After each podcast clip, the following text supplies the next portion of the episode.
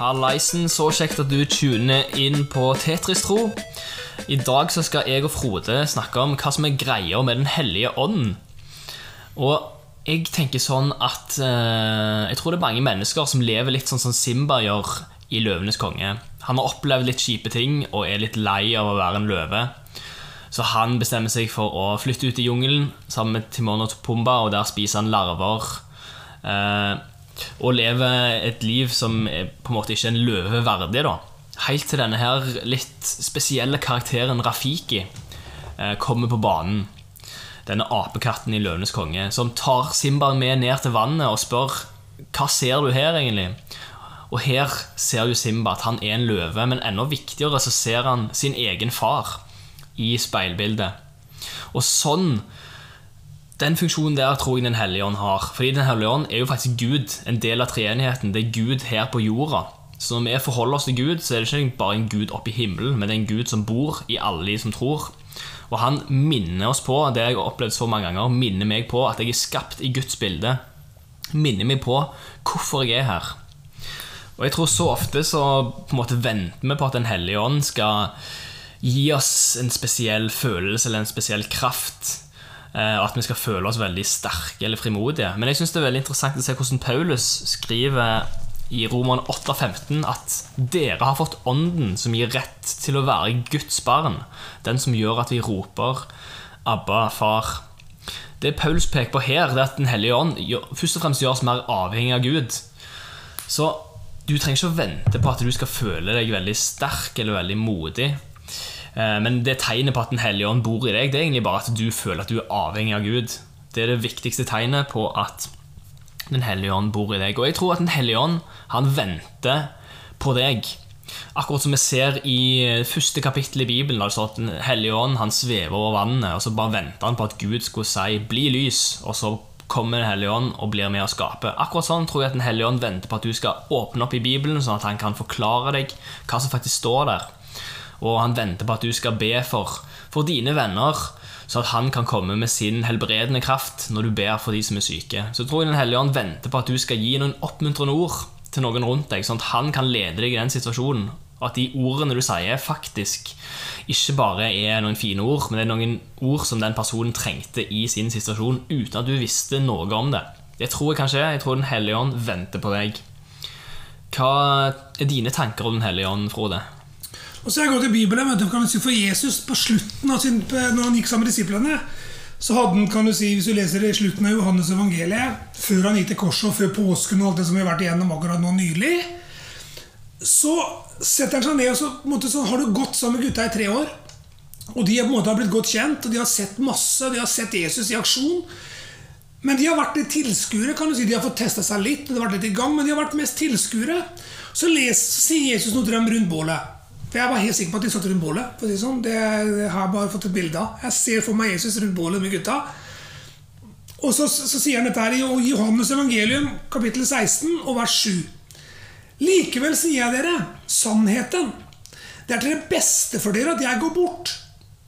For hvis jeg ikke går bort, kommer ikke talsmannen til dere. Men hvis jeg går bort, skal jeg sende ham til dere. Og når han kommer, skal han overbevise verden om synd, om rettferdighet og om dom. Om synd fordi de ikke tror på meg, om rettferdighet fordi jeg går til min far, og dere ser meg ikke lenger, om dom fordi denne verdens fyrste er dømt. Her sier Jesus noe som er veldig spesielt.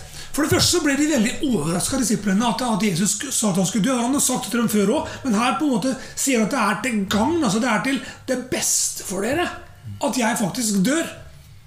Dette var før han døde. Før han på en måte kom på korset, før det opplegget der. Det, så sier han det at hvis ikke jeg gjør det, så kommer ikke talsmannen.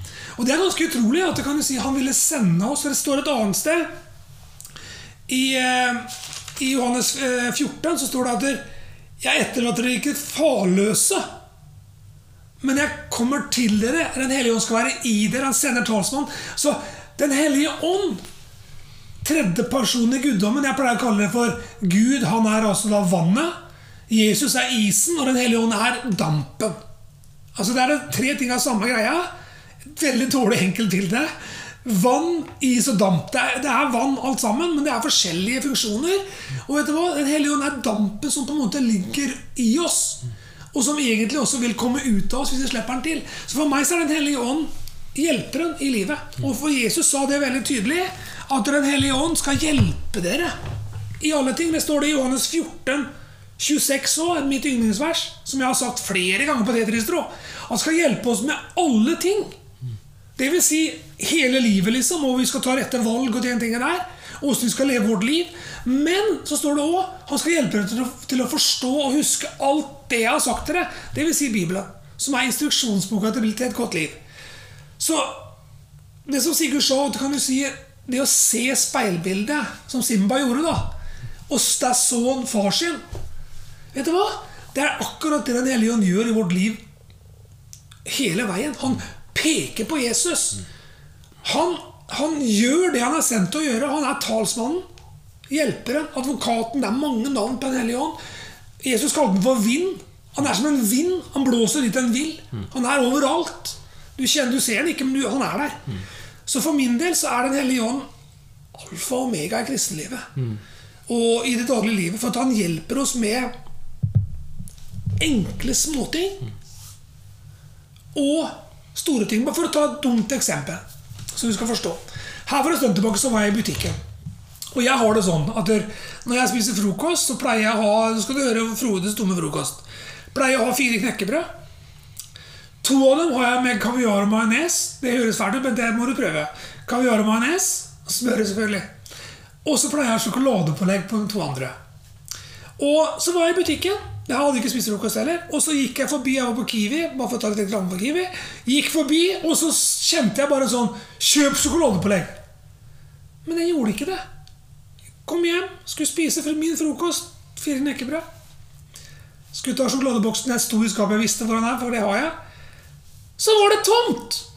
Fordi at kan du si, vi har, har enda en liten tjuv som bor hjemme. Jeg har jo fire unger, men det er bare en av dem som bor hjemme. Så tjuven hadde vært og stjålet sjokoladepålegget til far. Og da venter de med at jeg fikk ikke de fire sjokoladepålegget, eller de to sjokoladepålegget knekkebrød som jeg vanligvis hadde. Nå høres det veldig dumt ut, men Den hellige ånd vet det. Når jeg var på Kiwi at det var tomt i boksen. Og han vet det. At for Frode så er de to knekkebrød det er, det er viktig. Altså, det er jo ikke veldig viktig, men det er allikevel eh, viktig for meg. For jeg koser meg med de to der med søte knekkebrød på slutten. Ikke sant? Og dette var, de prøvde han å minne meg på det. Og det er en dum opplegg, men jeg tror det er sånn at hellige er. Den hellige ånd er veldig praktisk. Og i tillegg så hjelper det når jeg leser Bibelen, som kan være vanskelig. Men hvis jeg sier da, Hellige ånd, nå vil jeg ha litt tid sammen med deg, hjelp meg til å forstå det jeg leser. Så innimellom vet du, så får man noen åpenbaringer. Altså Man begynner å forstå det man leser. Plutselig på en helt annen måte enn det man på en måte gjorde før. Og det er Den hellige ånd som setter lys. Og vet du hva? Den hellige ånd er med oss som lyset på vår sti. Altså han, han er den som lyser opp veien. da. Han vet absolutt hva vi liker. Han vet absolutt hva vi ikke bør gjøre. Og han vet også kan du si, hva vi trenger. Og han prøver å guide oss da Den hellige ånd er innlagt. Jesus sier at han skal være i dere. Og han skal være hos dere. Så for meg så er Den hellige ånd ultraviktig.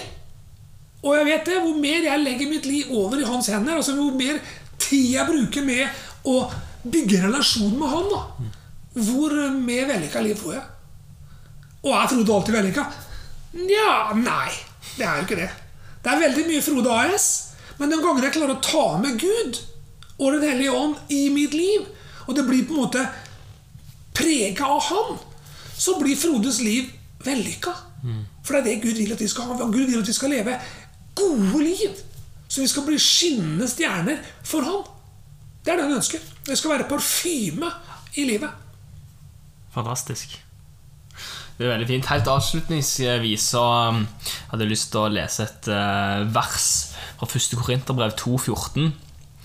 Der skriver Paulus at mennesker som ikke har tatt imot Jesus og Guds ånd, vil verken forstå eller kunne høre hva Gud vil si dem. Jeg syns det er så deilig å vite at eh, Paulus her på en måte legger alt ansvaret på at det er Den hellige ånd som viser oss hvem Gud er.